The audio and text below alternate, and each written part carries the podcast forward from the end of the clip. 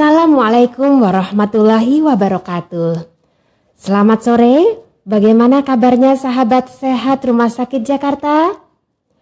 Kami mengucapkan terima kasih kepada sahabat sehat yang sudah follow di media sosial Rumah Sakit Jakarta. Kami juga berterima kasih kepada sahabat sehat yang sudah bergabung di IG Live Rumah Sakit Jakarta pada sore hari ini. Saya Dr. Gigi Rati Pranita pada hari ini berkesempatan untuk mewawancarai narasumber kita Dr. Gigi spesialis bedah mulut dengan tema kita pada hari ini aman berobat gigi di masa pandemi. Nah, sahabat sehat, selama 45 menit ke depan kita akan bincang santai dengan narasumber kita pada hari ini yang sudah hadir di tengah-tengah kita Dr. Gigi Putri Kumalasanti spesialis bedah mulut. Selamat sore, Dokter. Selamat sore, Dokter Rati. Dokter Gigi Putri Kumalasanti adalah dokter gigi spesialis bedah mulut yang berpraktek di Rumah Sakit Jakarta, Jakarta Dental Clinic. Bagaimana kabarnya nih dok? Sehat. Alhamdulillah, ya dok ya. Nah kami melihat dokter di masa pandemi ini senang sekali tetap uh, semangat berpraktek melayani pasien-pasien yang datang untuk berobat gigi ke rumah sakit ya dok ya. Pastinya dokter Hati. Ya, nah dok, uh, sebetulnya memang di masa pandemi COVID-19 ini kami semua memang uh, kalau kita sih tenaga rumah sakit ya dok ya, tapi banyak sekali rekan-rekan kita di luar sana yang memang lebih banyak menghabiskan waktu di rumah, bekerja juga di rumah. Terus kalaupun keluar pakai masker, gigi dan mulutnya pastinya tertutup ya dok ya. Namun meskipun demikian sebenarnya seberapa penting ya dok bagi kita untuk tetap menjaga kesehatan gigi dan mulut dok di masa pandemi ini dok. Ya, baik dokter sebelumnya perkenalkan Uh, saya Dokter Gigi Putri Kemalasanti, uh, spesialis bedah mulut. Nah, tadi uh, pertanyaannya uh, seberapa penting menjaga kesehatan gigi dan mulut.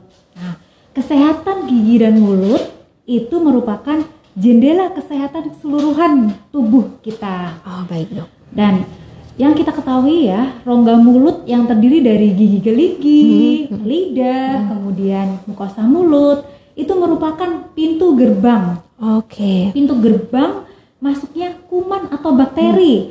yang masuk ke dalam tubuh kita menuju ke saluran pernafasan, kemudian ke saluran pencernaan, uh, bisa juga ke aliran darah. Nah, dengan adanya bakteri-bakteri atau kuman tersebut hmm. bisa menyebabkan penyakit, bisa penyakit di rongga mulut itu sendiri ataupun uh, penyakit di organ tubuh lain. Oh, oke. Okay, Makanya uh, sangat penting menjaga kesehatan gigi dan mulut kita ya. Uh, ketika sudah ada penyakit, otomatis uh, daya tahan atau imunitas tubuh kita itu akan menurun, akan berkurang dari biasanya. Nah, sedangkan kita tahu sendiri ya dokter Rati ya, uh, di masa pandemi ini daya tahan tubuh atau imunitas itu hmm. sangat penting dibutuhkan agar kita terhindar dari uh, atau menjaga tubuh kita dari paparan virus. Oh iya iya betul betul dok, betul ini, sekali ya, dok. Iya iya oke. Okay. Jadi jangan sampai nih kalau kita sakit gigi susah makan, susah tidur, yang pastinya berpotensi imunitas tubuh juga nah, menurun ya, ya dok kan? ya. Uh, ketika kita sakit gigi, otomatis makan juga nggak enak. Betul sekali dokter, iya iya. Tidur juga nggak nyaman, sedangkan uh, untuk makan di masa untuk asupan gizi di masa pandemi ini kan butuh gizi yang istilahnya penuh nutrisi betul, ya betul ya. dokter kemudian ya. disarankan kita juga harus 8 jam tidur benar benar nah kalau kita sakit gigi udah nggak nggak enak makan kemudian tidur juga terganggu kualitas ya. tidur berkurang otomatis uh, imunitas kita akan turun betul gitu. sekali dokter nah jadi uh, tetap penting ya dok ya bagi kita ya, nih untuk uh, menjaga kesehatan gigi dan mulut ya. Nah masalahnya nih dok ya dulu kan memang kita uh, dalam kondisi kita sehat pun secara anjurannya kita juga enam bulan sekali pergi ke dokter gigi ya dok ya. Nah uh, di masa pandemi COVID-19 ini banyak juga nih teman-teman kita yang sebetulnya nih sudah mulai ngilu-ngilu, sudah mulai ada keluhan sakit gigi bengkak, tapi takut dok mau berobat ke dokter gigi karena memang uh, kita tahu bahwa penyakit corona ini memang ditularkan melalui eh, droplet. Jadi percikan ya yang keluar dari mulut saat kita bicara, batuk, bersin gitu. Nah, sementara eh, kita tahu kalau di poli gigi ya pastinya erat sekali dengan hal-hal yang seperti itu gitu, Dok. Nah, jadi nah ini kita sekarang ada di Poli Gigi eh, Jakarta Dental Clinic Rumah Sakit Jakarta ya, Dok ya. Sebetulnya eh, seberapa aman sih, Dok, bagi kita nih untuk eh, pergi ke dokter gigi terutama kalau kita sudah mulai ada keluhan nih, Dok. Ya, baik dokter Rati. Seberapa aman berobat gigi saat pandemi ya? Eh sebenarnya ada tiga hal ya yang harus kita perhatikan atau Baik, kita Dok. ketahui. Yang pertama eh, fasilitas kesehatan itu sendiri atau rumah sakit, kemudian pasien dan operator eh, tenaga medis, tenaga medis itu dokter atau perawat gigi. Nah, ketiganya memunya, memiliki protokol masing-masing, protokol kesehatan masing-masing. Apabila semuanya tercapai, itu bisa dikatakan aman. Nah, seperti di Rumah Sakit Jakarta ini sendiri eh, telah menjalankan protokol kesehatan. Misalkan ketika pasien ataupun pengunjung, seluruh pengunjung masuk pertama kali akan dilakukan screening. Screening, eh, dia harus memakai masker, Pakai kemudian masker ya, Dok ya. dicek suhu tubuhnya, Oke. kemudian harus melakukan hand hygiene. Hand hygiene. Oke. Nah, kemudian eh ketika masuk sudah masuk ke poli gigi akan dilakukan pengkajian ulang. Oke, dikaji Eh, ulang lagi iya, jadi ya, Dok ya. Walaupun lagi. sudah masuk nih ya, Dok ya. Iya. Screening di awal tadi sudah ya. Nah, Dok. Oke. Kemudian itu rumah sakit ya. Iya. Nah, di poli giginya sendiri ya, poli giginya sendiri itu eh, setiap pergantian pasien kita selalu lakukan disinfeksi. Jadi eh, pasien satu selesai dilakukan disinfeksi, baru bisa masuk pasien berikutnya. Nah, kemudian eh, ini ruangan ruangan poli giginya. Nah, untuk instrumennya sendiri dok. Oh, oke. eh, Mm-mm. kita juga ada sterilisasi. Eh, semua instrumen kita lakukan sterilisasi dan kita punya eh, istilahnya eh, CSSD ya, itu sterilisasi pusat ya. Iya, sterilisasi pusat di rumah sakit ya, Dok ya. Oke, dengan dengan alat yang cukup memadai ya, Iya, Dok ya. Oke. Eh, contohnya ini dok, Eh, setiap instrumen setiap masing-masing pasien eh, memili- eh, mendapatkan satu satu packaging ini. Nah, jadi eh, setiap pasien tidak dilakukan eh, berulang-ulang ya. Jadi setiap pasien eh, mendapat satu alat-alat untuk untuk instrumen alat. Oke. Nah, kemudian ini alat instrumen ya dok. Kemudian ada Nah, juga di belakang ini, Dok. dokter nih ya, ada kayak kotak plastik ini ya, Dok ya. Ini sebelum pandemi COVID-19 sepertinya kita belum ada nih, Dok. Sekarang sudah ada ya, Dok ya. Ya. Ini kita namakan box aerosol ya dok. Box ya. aerosol. Hmm. Nah ini bertujuan untuk eh, ketika dilakukan tindakan gigi eh, itu kan eh, alat-alat gigi itu dimungkinkan ada terjadinya aerosol yang keluar ya dok Hmm. Baik, ya. baik. Nah ini ditempatkan di atas eh, pasien, di atas rongga mulut pasien. Oke. Jadi Hmm. eh, selain untuk menghindari menghindari droplet atau Percikan aerosol, tadi itu ya, Dok, ya. Yang ke mana-mana, oke. eh, itu eh, jadi ini boxnya eh, menahan menahan eh, agar percikan itu tertahan di sini dan selain itu eh, ada suction extraoral dok di sini. Suction Jadi- extra oral. Jadi di luar mulut kita itu Iya, ada di sini. kayak ada yang menghisap Oh, lagi gitu ya, Dok ya. Jadi sudah ditahan, kemudian dihisap. Dihisap. Oh. Jadi Kemudian ada juga suction intraoral juga kita sebutnya. untuk yang di dalam mulut ya, Dok ya. Oke. Ha-ha. Itu jadi diharapkan eh, semua droplet atau aerosol tuh eh, sudah eh, minimal, minimal yang Minimal bisa penyebarannya keluar ya, Dok, ya. ya. Oke. Jadi sudah dihadang dengan box, kemudian di uh, istilahnya disedot atau di vakum ya, Divakum. dengan Baik. extra oral, extra oral suction. Kemudian di intraoralnya juga kita lakukan suction juga. Hmm, Uh, baik, jadi itu untuk meminimalisir uh, droplet-droplet yang Ber- berterbangan di mana-mana, bertebaran di mana-mana ya, Dok ya. Oke, oke. itu. Nah, menurut penelitian juga uh, ini 90% ya, Dok ya. 90% mengurangi, meminimalisir. Oh, oke oke penyebaran ya ya ya. Jadi sudah banyak sekali nih perubahannya ya, Dok. Nah, kalau yang tadi ini yang tadi dokter sebut ini ini handpiece atau atau gagang yang biasanya dipakai kalau kita mau ngebur atau ya, ya, kalau untuk mengebur ya. Ya benar ini uh, handpiece jadi satu pasien satu handpiece. Satu pasien satu handpiece. Jadi berganti pasien ganti lagi ya, Dok. ganti. Yang sudah steril ya, Dok ya. Uh, karena Oke. itu untuk menghindari uh, cross ya. Oke, harus oke. memang harus diganti. Oh ya ya.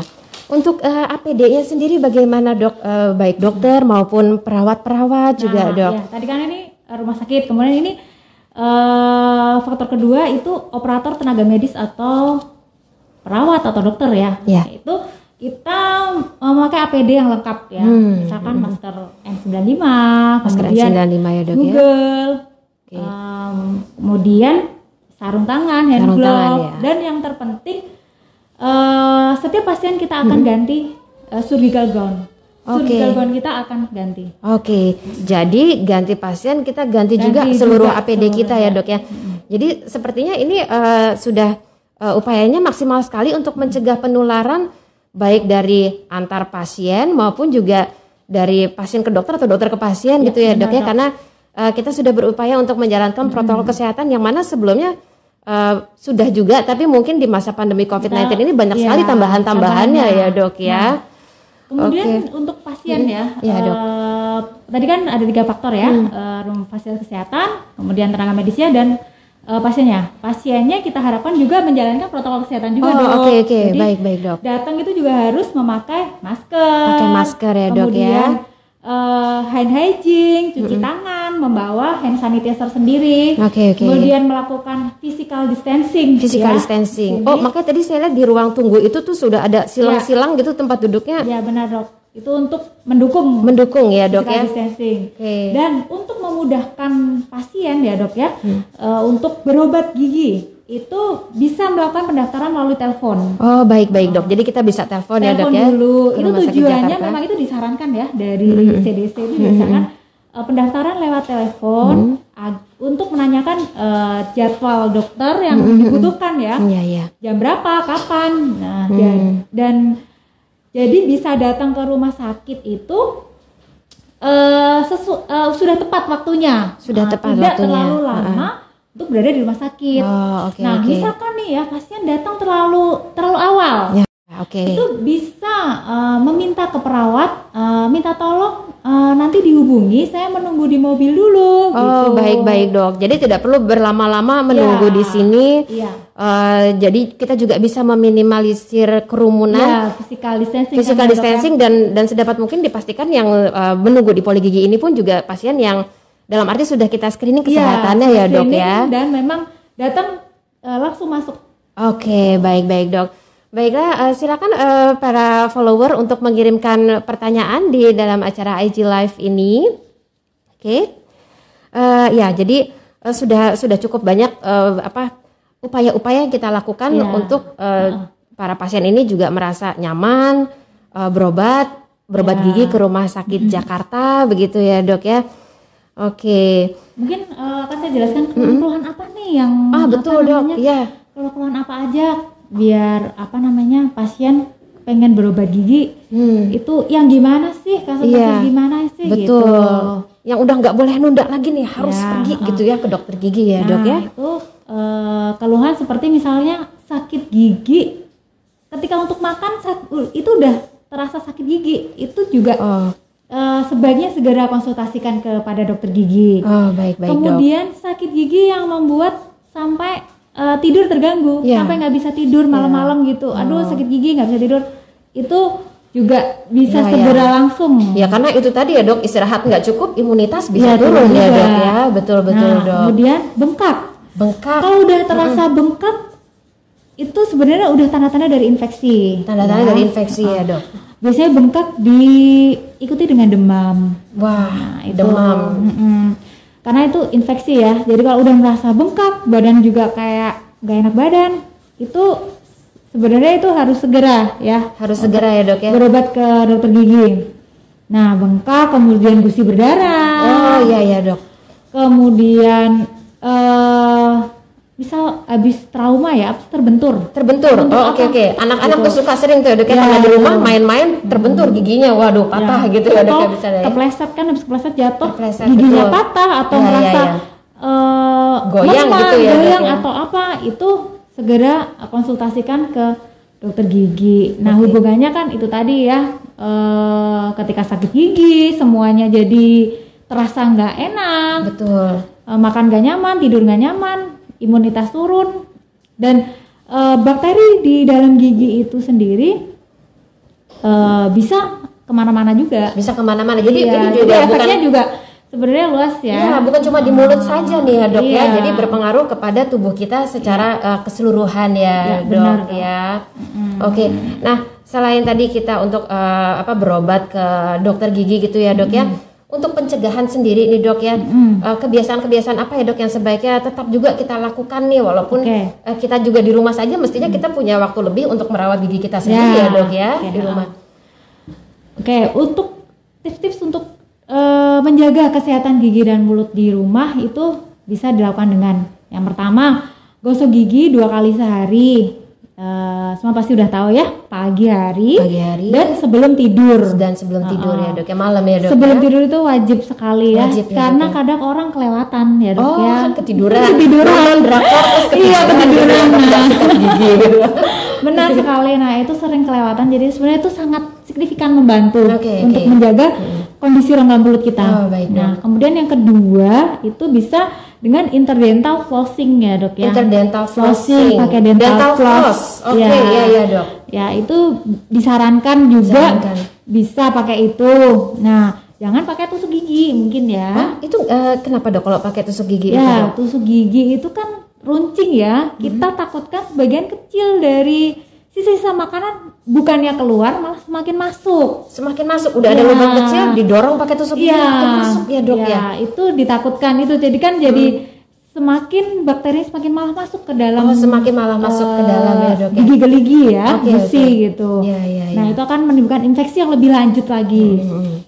Itu yang kedua interdental flossing ya. Yang ketiga eh, kumur dengan mouthwash. Mouthwash. Ya, Oke. yang mengandung chlorhexidin atau povidone iodin itu Oh, bisa ya. baik, dok. Oke, yang ketiga pola hidup sehat ya. Ya makan sehat, mengurangi eh, makanan dengan kadar gula yang tinggi. Nah ini yang, yang cukup eh, berat dan agak cobaan tuh ya dok. Kalau kita di rumah malah cemilan berkembang ngemil, di apalagi mana-mana ya kemarin dok. WFH ya. Iya iya. Pengennya ya. cemilan di sebelah dan manis-manis Oh, lagi ya dok iya ya. Itu terus kemudian exercise. Exercise. Ya, Jadi olahraga tetap penting ya dok untuk eh, daya tahan tubuh ya dok ya. Ya, itu Oke. mungkin yang bisa dilakukan di rumah. Yang di rumah ya dok ya. Dan kalau sudah ada keluhan sebaiknya Nah, ya, itu bisa dilakukan. Itu kan sudah dilakukan di rumah nih. Terus saya sudah melakukan ini, kenapa kok masih tetap ada keluhan ya? Ini kenapa ya kok sakit ya? Nah, berarti berarti ada masalah. Hmm. Dan apa dan masalah itu biasanya akan mengganggu kan ya? betul betul. Kalau saya sarankan sih untuk segera berobat ke dokter gigi. Segera berobat ke dokter gigi ya dok ya. Kalau kondisi biasa-biasa aja, itu nggak akan sakit. Oh betul. ya. Tapi ketika sudah mulai Ketika bermasalah, nyeri ataupun terjadi infeksi, artinya eh, jumlah bakteri sudah melebihi dari normal. dari normal. Di dalam rongga mulut kita sebenarnya itu ada bakteri. Itu kalau dalam kondisi normal itu tidak akan menyebabkan masalah. Baik dok. Ya, eh, itu tidak akan bikin nyeri, tidak akan Iya. bikin infeksi.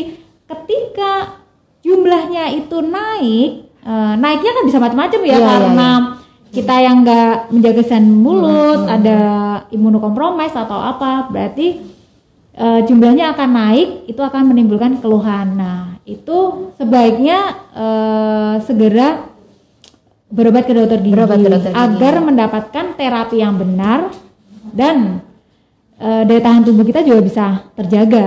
Oke. Jadi saya gini, eh ini lagi di masa pandemi ini, alih-alih eh, untuk daya tahan tubuhnya untuk eh, mengurusin gigi ya, Hmm, maksudnya iya, menghadapi betul. kondisi gigi, ya itu lebih penting kan untuk eh, apa? ke virus yang lain gitu loh, Betul, virus betul, iya, iya, COVID iya, gitu. Kita Makanya- jadi berpikiran nih lebih lebih, lebih jauh ke lagi depan, gitu ya. loh daripada tahan tubuhnya untuk ngurusin sakit giginya kan itu lebih urgent saat ini untuk menghadapi uh, virus COVID atau virus lainnya. Baik, baik dok. Nah, uh, sepertinya sudah masuk ini pertanyaan-pertanyaan dari uh, followers. Oke, pertanyaan kita yang pertama ini at Vera Sitorus. Ada pertanyaan uh, scaling scaling pembersihan karang gigi ya, Dok ya. Sudah bisa dilakukan belum saat ini ya, Dok ya? Oke, scaling saat ini sudah bisa dilakukan atau belum? Nah, scaling itu tujuannya untuk membersihkan karang gigi. Betul, Dok. Ya. Karang gigi itu salah satu penyebab penyakit periodontal. Periodontal itu uh, jaringan penyangga gigi. Jaringan penyangga gigi ya dok ya. Seperti apa tuh dok? Gus, gusi, gusi ya, dok, ya. ya. gusi kita itu uh, dan jaringan di dalam-dalamnya kita sebut penyangga gigi. Hmm. Nah, ketika ada karang gigi itu sebenarnya merupakan fokus infeksi. Fokus infeksi. Jadi mulai infeksi. mulai bisa masuk infeksi itu dok. Iya, kita ya? okay. karena di situ pasti ada bakteri. Hmm. Nah, Uh, nanti uh, di sini juga ada dokter spesialis perio hmm. di Rumah Sakit Jakarta ini. Nanti bisa dikonsultasikan gitu. Uh, untuk scaling ini uh, gimana gitu. Uh, kalau memang itu memang fokus infeksi itu bisa dilakukan. Oke, sebaiknya segera dilakukan ya, kan, dok. Iya, ya? karena kan di situ istilahnya kumpulan bakteri ya. Ya, karena sudah berpotensi untuk hmm. nanti menimbulkan gangguan-gangguan ya. di gigi dan mulut nah, juga. Untuk ya, lebih ya? jelasnya nanti uh, bisa langsung konsultasikan dengan konsultasi ke dokter spesialis periodonsia. Dokter gigi spesialis periodonsia. Ini spesialis uh. yang untuk jaringan penyangga gigi penyangga ya, gigi. dokter ya. ya. Oke. Okay, Tapi okay. intinya uh, karang gigi itu fokus infeksi. Karang gigi itu sebetulnya dan harus ya. Di, ya uh, bersihkan. Oke, okay, harus dibersihkan ya. Mm. Oke. Okay. Uh, eh, oh, kemudian ada pertanyaan lagi uh, Ed Marlina 77 uh, steril nggak sih dok alat yang digunakan di poli gigi rumah sakit Jakarta? Oke. Okay. Steril atau enggak? Nah tadi sedikit sudah disinggung ya. Iya betul dok. Di Rumah Sakit Jakarta ada pusat sterilisasi yang kita kita namakan CSSD. Jadi yeah. semua alat-alat uh, disterilin dalam satu center satu pusat. Oke, okay, itu dengan dengan alat yang cukup memadai ya dok ya. ya, ya okay, kemudian okay. untuk satu uh, satu pasien itu hmm. akan di pack satu-satu. Di pack satu-satu seperti ya, ini tadi, ya dok ya. Uh, di pack satu persatu ya, ya dok benar. ya. Oke. Okay. Nah, seperti ini ya. tadi. Kemudian selain itu instrumen, uh, ruangan juga kita disinfeksi. Oh iya. Jadi ini kayak, kayak kursi dental ini handle-handlenya ya. itu ya. juga sebelum masuk pasien baru tuh kita sterilkan dulu ya, ya dok ya. semuanya. Okay. Di, dibersihkan Bersih dulu gitu ya, di desinfektan ya. ya. Oke okay, oke okay, ya dok. Oke. Okay. Nah ada pertanyaan lagi ya uh, Ed Bima. Kalau gigi bengkak terus ada demam, bisa tetap dapat penanganan nggak dok? Oke, dari Bima ya. Oke gigi bengkak kemudian demam. Nah, uh, ciri-ciri infeksi itu bengkak, bengkak inflamasi, ya? kemudian ada demam, ada nyeri. Nah, sebenarnya bengkak itu atau kita sebut dalam bahasa medisnya itu abses itu termasuk dalam emergency. Emergency. Jadi itu kategori emergency yeah. tuh Mas Bima. Jadi itu masuk kategori emergency. Uh -uh. Kalau bengkak sampai demam, ya, demam ya dok ya. Bengkak okay. dan demam. Nah itu sebaiknya uh, segera konsultasikan hmm. untuk uh, konsultasikan ke dokter gigi.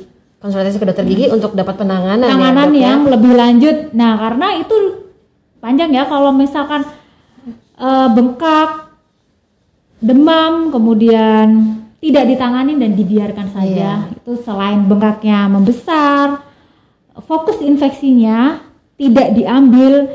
Selama fokus infeksinya tidak diambil, bakteri tidak akan berkurang. Dia akan segitu-gitu aja dan malah bisa bertambah parah. Ya, waduh, Misalkan nih bengkak ya, di bengkak di rahang ya dok ya, ya di sini ya. ya kalau dibiarkan dan e, malah istilahnya takut ya takut berobat itu lama-lama bengkaknya akan turun turun turun turun ke sini. Itu lebih kompleks lagi complicated okay, lagi. okay. plus lagi ya dok bengkak susah makan susah tidur. Iya. imunitas ya, pasti turun turun pasti ya, turun ya. kalau okay. udah itu. Nah ada pertanyaan selanjutnya lagi dok. Ini dari uh, Edma Degianyar lebih baik uh, gosok gigi itu sebelum atau sesudah sarapan dok? Dua kali sih cuma dia tanya tuh sebelum atau sesudah sarapan ya Oke, okay, oke. Okay. Gosok gigi yang kita sarankan sebenarnya pagi ya, pagi dan sebelum tidur. Pagi dan sebelum tidur. Kalau pagi sebaiknya sih kalau logikanya sih setelah sarapan. Setelah sarapan. Ya. Okay. Karena kan setelah sarapan kita aktivitas uh, nanti baru siang lagi ketemu makan siang. Oke, okay, oke. Okay, gitu. Okay. Jadi setelah lebih baik sih setelah sarapan gosok gigi, kemudian eh, melakukan aktivitas. Eh, siang sebenarnya kalau mau gosok gigi ya silakan aja nggak apa nggak masalah. Nggak masalah ya. Jadi minimal ya dok. ya, minimal ya? sebenarnya dua kali sehari. Nanti yang terpenting sebelum tidur. sebelum tidur ya, dok Ya. ya. Ada pertanyaan ini eh, ini dok dari Talia Huta Julu. Dok apakah benar berita obat kumur itu bisa mematikan COVID-19? Wah ini hot issue nih dok. Ya. Oke ya ya. Obat gumurnya apa dulu ya, ini ya? Ya, Oke oke oke ya ya. Sebenarnya itu sebenarnya belum ada penelitian ya Belum dok ada ya. penelitian ya, dok, ya? Cuman eh, cuman ada apa ya artikel atau apa yang mengatakan bahwa obat kumur yang mengandung povidone iodin Povidone iodin. eh, itu bisa mengurangi mengurangi bakteri eh, organisme yang ada di rongga mulut. Oh, bakteri yang merugikan ya dok ya, Ya. di rongga mulut ya dok ya. Ya, ya Oke. Itu sebenarnya hubungannya dengan eh, berhubungan dengan daya tahan tubuh kita seluruhnya. Oh, ya. baik, baik, Dok. Dengan bakterinya berkurang, otomatis eh, tidak akan menyebabkan menyebabkan masalah penyakit lainnya. Oke oke. Gitu. Nah menyambung yang tadi nih dok, Ed Kristiana eh, kumur dengan kumur dengan eh, povidone iodin tadi itu dok itu eh, sebaiknya berapa kali ya dok ya sehari itu ya? Povidone iodin. Sebenarnya ada di ininya, Di- labelnya. oh ya. eh, jadi kita harus baca aturan Eh, eh, pakai ya aturan dok ya? pakainya, Oke aturan oke. pakainya. Heeh. bisa seber- bisa pakai povidone iodin, chlorhexidin. Itu juga iodin, chlorhexidin, ya. Oke, oke. Buat dilakukan di rumah untuk menjaga untuk maintenance kesehatan gigi dan mulut. Oke. Itu baik. nanti eh, dibaca saja instruksi dari masing-masing eh, obat kumur yang beredar di pasaran. Oke, dari dari kemasannya ya dok Ya, ya. heeh. Ah, ini ada pertanyaan lagi masuk dok. Eh, At Lisna Kurniawati, dok gigi geraham belakang lagi sakit banget, boleh dicabut nggak dok gitu? Ya, oke. Gigi geraham belakang atau kita namakan gigi bungsu. Gigi bungsu, ya, iya. wisdom tooth. Ya ya. Nah, sebenarnya gigi bela gigi kita ngomongin dulu ya. Ini gigi bungsu ini tumbuh ketika kita sudah dewasa. Oke. Ketika kita sudah dewasa, kita umur, sekitar umur 17-18 tahun, itu baru tumbuh. Nah, biasanya nih tumbuhnya tidak sempurna, Dok. Oh iya. Miring lah, sebagian tumbuh lah atau ketika kayaknya normal nih, kayaknya tumbuh normal tapi Sepertinya tumbuh normal ya dok ya. sakit. Oh gitu. oke oke ya nah, ya ya. sebenarnya gigi bungsu itu sudah tidak ada gunanya. Kalau saya jelaskan saya pasien ya, sudah tidak ada gunanya. Eh, Baik untuk mengunyah ya, juga untuk dia tidak tidak berguna sebenarnya juga dia ya, tidak berperan Oh, ya. tidak berperan Ah, ya. Oke oke. Nah, sudahlah nggak berperan, tapi menimbulkan sakit. Nah, itu dia tuh, Dok, ya. Ya itu sebaiknya dicabut. Heeh. Tapi eh, bisa dikonsultasikan ya, konsultasi dulu ke dokter. Oh, Oke, jadi dikonsultasikan dulu. Mbak. ya, ya, penanganannya apa? Penanganannya gitu bisa ya, langsung dicabut atau misalkan eh, ketika pasien nge saya pengen ditambal dulu atau gimana dulu deh. Oh, Oke. Mungkin bisa dikonsultasikan tapi eh, pada dasarnya ketika gigi bungsu itu menimbulkan keluhan eh, itu eh, sebaiknya dilakukan pencabutan. Oke oke. Nah, gigi bungsu itu kan letaknya di di paling ujung ya, paling di ujung belakang sekali nih ya dok ya. Nah itu rentan sekali baik atas bawah ya rentan sekali eh sisa makanan itu terjebak. Oh iya. Ya. Karena kita kalau sikat gigi kayaknya susah, Susah. nyampe tuh dok Ah. sampai belakang ya dok ya. Yang atas susah, sikat gigi nggak nyampe. Betul. Yang bawah itu kadang giginya miring jadi eh, apa namanya sisa makanan nyelip tuh terjebak. Terjebak di situ infection. dan dan juga kita susah bersihinnya pakai Iya, sikat gigi iya. atau tusuk gigi atau apalah karena di belakang sekali ya dok Ah, ya. Itu susah dibersihkan. Nah itu merupakan fokus infeksi. Fokus ya. Eh, kebanyakan dari kasus abses, abses itu bengkak yang gede gitu. Iya, bengkak Biasanya dari gigi bungsu. Dari gigi bungsu ya dok ya, ya. makanya kita, kita, eh, kalau sudah menimbulkan keluhan dan pernah riwayat bengkak gigi bungsu itu, eh, saya pasti sarankan untuk dicabut. Oh baik baik dok. Nah ini ada pertanyaan lagi nih dok. Ed Mas Tono, dok saat ada abses, apakah akar gigi bisa dicabut? Jadi ada abses terus giginya tinggal akar tuh sepertinya Oke. dok ya. Apakah bisa dicabut? Nah, abses ya, ketika abses apakah akar gigi bisa dicabut? Oke. Nah, abses sendiri itu disebabkan oleh eh gigi yang berlubang, sisa akar, istilah kita sebut gigi berlubang sisa akar itu tuh fokus infeksi. Fokus infeksi. Fokus infeksi terjadinya abses. Jadi istilahnya gini, kalau masalahnya nggak diambil, ya nggak bakalan sembuh. Oh oke, Gitu. karena penyebabnya itu kalau nggak diambil ya masih ada di ya situ. pasti akan ada akan berulang di lagi, situ. berulang lagi. Kalau mau diobatin aja, nah itu akan mengurangin aja, tidak Oke. menghilangkan, itu hanya mengurangi. Oke ya. Jadi kan suka ada yang eh, kayaknya dulu aku pernah dikasih antibiotik apa, terus kayaknya bengkaknya hilang deh, tapi dia tidak cabut akarnya itu. Iya. Gimana tuh dok? Kayak gitu. Ya, itu nggak menyelesaikan masalah. Nggak menyelesaikan ya. masalah ya, akan berulang lagi ya, dok ya. akan terjadi itu. Nah, tapi untuk bisa langsung dicabut dicabut atau enggaknya itu eh, wewenang dari dokter. Pemenang dari dokter Eh, kita. jadi- jadi, dilihat-lihat dulu kondisinya ya, Ya, ya, diperiksa nanti dulu akan ya, dok ya. eh, kan banyak pertimbangan. Betul, eh, betul. Iya, iya. seluruh apa kita anamnesa dulu semuanya. Tapi Oke, yang oke. jelas ketika abses segera berobat. eh jadi nanti dicabut atau enggak hari itu nanti dokternya akan menentukan. Oke. Even nggak dicabut hari itu, kita pasti akan obatin, eh, akan jadwal kita jadwalkan. Oh akan akan dijadwalkan. Jadi yang penting di assessment dulu ya. Ya, intinya ketika terjadi abses berarti ada infeksi. Kalau infeksi berarti ada penyebabnya. Penyebabnya apa sih? Kalau Oh. penyebab sisa akar itu ya harus kita cabut. harus diambil itu. sisa akarnya itu ya dok ya. Oke dok, ini masih ada pertanyaan lagi dok. Ini at uh, Bu Dedam. Kenapa kalau sikat gigi suka berdarah padahal nggak ada sakit gigi? Oke. Ya ya dok. Kalau sikat gigi kenapa berdarah ya? Nah, itu macam-macam penyebabnya. Oke baik. Eh, yang pertama, itu bisa jadi itu termasuk gingivitis. Gingivitis. Gingivitis, gingivitis itu inflamasi pada gusi ya. Pada gusi. Jadi radang, radang Ya, radang gusi. gusi, Oh ya, baik radang baik gusi. dok, radang ya dok ya. Radang gusi itu disebabkan apa? Gingivitis itu disebabkan oleh apa? Itu karena sisa makanan atau apa? Eh, sisa makanan yang lama-lama kelamaan menumpuk di situ. Oh oke. Jadi sisa makanan lama menumpuk di situ. Eh, nah, dok. sisa makanan yang lama menumpuk di situ itu kan penuh bakteri sisa Penuh makanan. bakteri. Oke ya. Kalkulus lah, kalkulus. Nah, karang ya. gigi, karang, Karang gigi. gigi ya. Sisa makanan kemudian jadi karang gigi. Nah, itu itu tempatnya bakteri. Oke. Nah, Ya, ya. bakteri itu mempengaruhi anatomi, kondisi normal dari gusi. Hmm. Oh, jadi baik, jadi baik, pembuluh Dok. darah Ya, itu eh, akan berubah Hmm, gitu ya, loh. ya, ya, oke. Ya.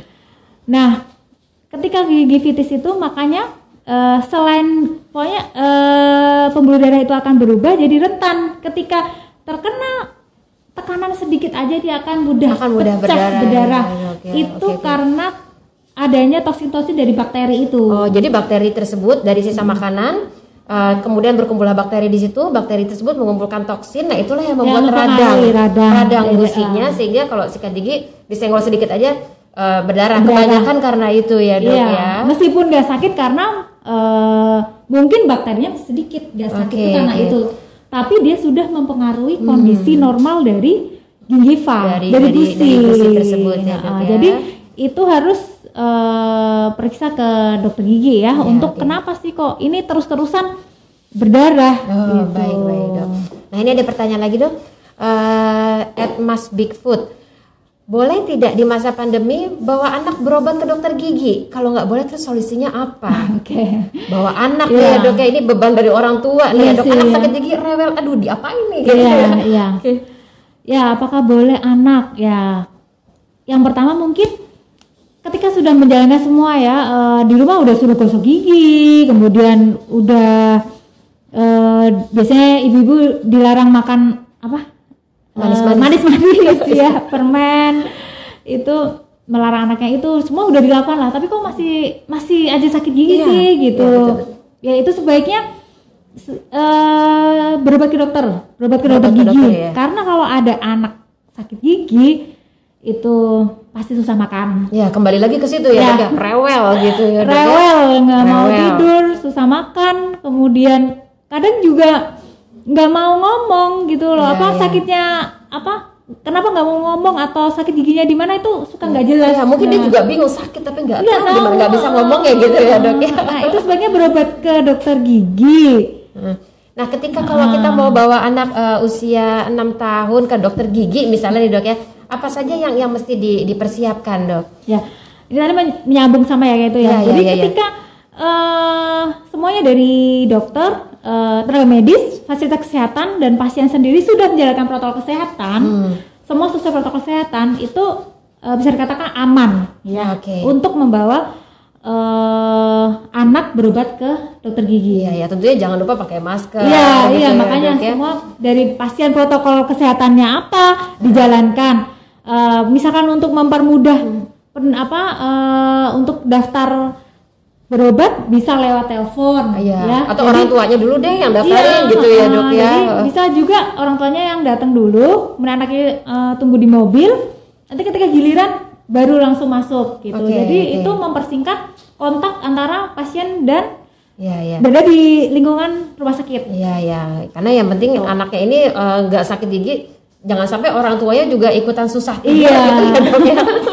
Sehingga itu juga penting juga kan karena bagi apalagi anak-anak kan nutrisi ya. juga penting kan ya dok ya Betul, iya iya, dia jadi Oh. jadi susah makan, nggak mau makan Hmm. gitu. Oke, nah eh, ini karena keterbatasan waktu dok, eh, mungkin ada satu pertanyaan lagi yang terakhir dok. oke Eh, nggak terasa ya dok ya Oh iya, menarik sekali hari ini. Eh, Ed Agus, apa saja dok persiapan saat mau berobat gigi? Nah, kita mesti apa nih ya dari rumah nih supaya kita eh, persiapannya Persiapan lah ya. untuk berobat Ah. ke dokter gigi. ya Eh, yang pertama eh, saya sarankan daftar lewat telepon Oke. Eh, jadi ke sini nggak tahu mau berobat ke dokter apa Hmm. Eh, jadi telepon dulu, kemudian eh beritahukan keluhannya apa, keluhannya apa. Misal eh, sakit gigi karena tambalannya lubang, nanti akan eh, di sini akan disarankan untuk ke dokter mana gitu. Oke, jadi lebih mudah diaran, diarahkan, ya dok. Sehingga Diarahkan. kita mempersingkat proses ketika kita datang ke rumah sakit. Ah, ya, dok, pertama telepon dulu. Kemudian eh, sesuai protokol kesehatan untuk pasien ya, itu memakai masker, kemudian jangan lupa eh, hand hygiene, jangan mem- ketika di rumah sakit jangan memegang-megang muka. Jangan Gitu pegang muka ya dok Jangan ya. pokoknya Ini area pasti muka itu ya. jangan. Oke, karena kita Bawa- suka nggak sadar gitu. Iya. ya. Terus bawa hand sanitizer sendiri. Oh, sebaiknya bawa hand sanitizer Ah, sendiri. Meskipun di rumah sakit kita yang Tersedia, juga tersedia, betul. tapi lebih baik bawa sendiri. Kemudian physical distancing. Kemudian, nah kalau sudah sampai sini ternyata masih harus menunggu pasien sebelumnya ya, Iya, iya. belum gilirannya, boleh nanti menunggu di mobil. Ya, nanti Ya, kita ya. telepon gitu ya. Ya. Ya, oke. Nah, eh, dok, jadi mungkin bisa kita eh, Nah, oh, oh, maaf. Jadi nanti ini untuk eh, karena eh, sekali lagi karena keterbatasan waktu, mungkin ada pertanyaan-pertanyaan yang belum sempat kami jawab akan kami jawab nanti direspon ya, melalui sosial media eh, Rumah Sakit Jakarta. Nah, eh, menarik sekali obrolan kita pada hari ini. Mungkin eh, bisa direview kembali, dok, tips-tips untuk aman berobat gigi ya, dok ya. Kira-kira eh, bisa direview kembali, dok, tips-tipsnya untuk para sahabat sehat. Ya. Oke. Oke. Eh, tipsnya untuk nah, ini secara universal ya. Eh, kesehatan gigi dan mulut itu apalagi di masa pandemi ini sangat eh, mendukung untuk daya tahan imunitas kita. Daya tahan imunitas Ya, tubuh kita jadi ya, dok ya. kita harus eh, secara maksimal harus menjaganya. Itu bisa juga dari rumah ya. Dari Tipsnya rumah itu ya. menjaga kesehatan gigi dan mulut dari rumah juga bisa dilakukan dengan gosok gigi dua kali sehari. Itu eh, pagi dan sebelum tidur, kemudian interdental flossing, kemudian eh, kubur dengan obat kumur yang mengandung chlorhexidin atau povidone iodine. Dan ketiga eh, pola hidup sehat. Pola hidup sehat ya, dok ya. Nah, kemudian ketika ada keluhan gigi eh, dan merasa sangat mengganggu, eh, kemudian terasa nggak nyaman, segera periksakan ke dokter gigi. Ya, Eh, pilih eh, fasilitas kesehatan yang menerapkan protokol kesehatan. Oke, oke, Ya. ya, ya. Eh, kemudian ketika datang ke fasilitas kesehatan juga, pasien juga harus melakukan protokol kesehatan untuk dirinya sendiri juga. Oh, Oke, oke, baik. Nah, Untuk diri sendiri diri juga, juga. ya, dok ya. Ya, Oke. ya intinya gitu. eh, kesehatan gigi dan mulut sangat berdampak terhadap daya tahan tubuh kita. Oke, baik. Nah, eh, sahabat sehat, jadi kita rangkum kembali bincang santai kita hari ini bahwa Uh, selain untuk menjaga kesehatan gigi dan mulut ya, uh, selain kita lakukan upaya-upaya pribadi kita nih selama di rumah saja ya, selama di rumah. Nah juga jangan takut untuk berobat gigi di masa pandemi COVID-19 ini ya, karena pada kenyataan khususnya di uh, Jakarta Dental Clinic Rumah Sakit Jakarta, kita sudah banyak sekali menjalankan protokol-protokol kesehatan sesuai dengan uh, anjuran. Ya. Yang uh, kalau uh, saya lihat ini kayaknya banyak sekali yang berubah di sebelum masa pandemi dengan yang sesudah ya, uh, masa pandemi ini baik dari uh, pengaturan keluar masuk pasiennya hmm. karena kita sudah melalui screening sebelum memasuki uh, lingkungan rumah sakit Jakarta itu sudah uh, di screening dulu sebelum masuk ke dalam. Terus kemudian di ruang tunggunya itu juga sudah uh, kita atur yeah. ya uh, physical distancingnya. Hmm. terus juga kemudian dari sisi ruangan ini yang sekarang kita ada di sini ruangan kita rutin lakukan desinfektan alat-alat juga sudah disterilkan dan itu berganti setiap keluar masuk pasien ya dok ya. Dan juga uh, dokter dan perawat itu sudah menggunakan uh, alat pelindung diri yang memadai ya dok yeah. ya iya. sehingga mencegah penularan uh, antar pengunjung Betul. antar pasien atau dari dokter ke pasien dokter atau pasien ke, dokter ya, ya itu juga juga sudah kita yeah. lakukan upayanya dan juga uh, sesuai dengan uh, tips dari dokter Putri tadi bahwa jangan tunda deh berobat gigi hmm. kalau ada keluhan yeah. ya dok ya karena itu uh, mempengaruhi imunitas tubuh kita hmm. secara keseluruhan. Ingat sakit gigi, susah makan, susah tidur, imunitas tubuh kita juga Turun uh, akan menurun. Oke, okay? ya. Uh, menarik sekali topik hari ini di Poligigi Rumah Sakit Jakarta dalam acara IG Live ini. Uh, baiklah, uh, sahabat sehat, demikianlah bincang santai kita pada hari ini. Semoga bermanfaat. Saya Dr. Gigi Rati Pranita dan narasumber kita pada hari ini. Ya, dan saya Dr. Gigi Putri Kemalasanti. Kami mohon undur diri, uh, mohon maaf apabila ada kekurangan. Uh, dan jangan lewatkan, saksikan kembali IG Live Rumah Sakit Jakarta uh, berikutnya. Dan dan yang terpenting sahabat sehat, uh, tetap semangat ya, karena senyum yang indah dan bahagia tentunya berawal dari tubuh dan gigi yang sehat tentunya ya. Wassalamualaikum warahmatullahi wabarakatuh. Terima kasih sahabat sehat Rumah Sakit Jakarta. Sampai jumpa lagi.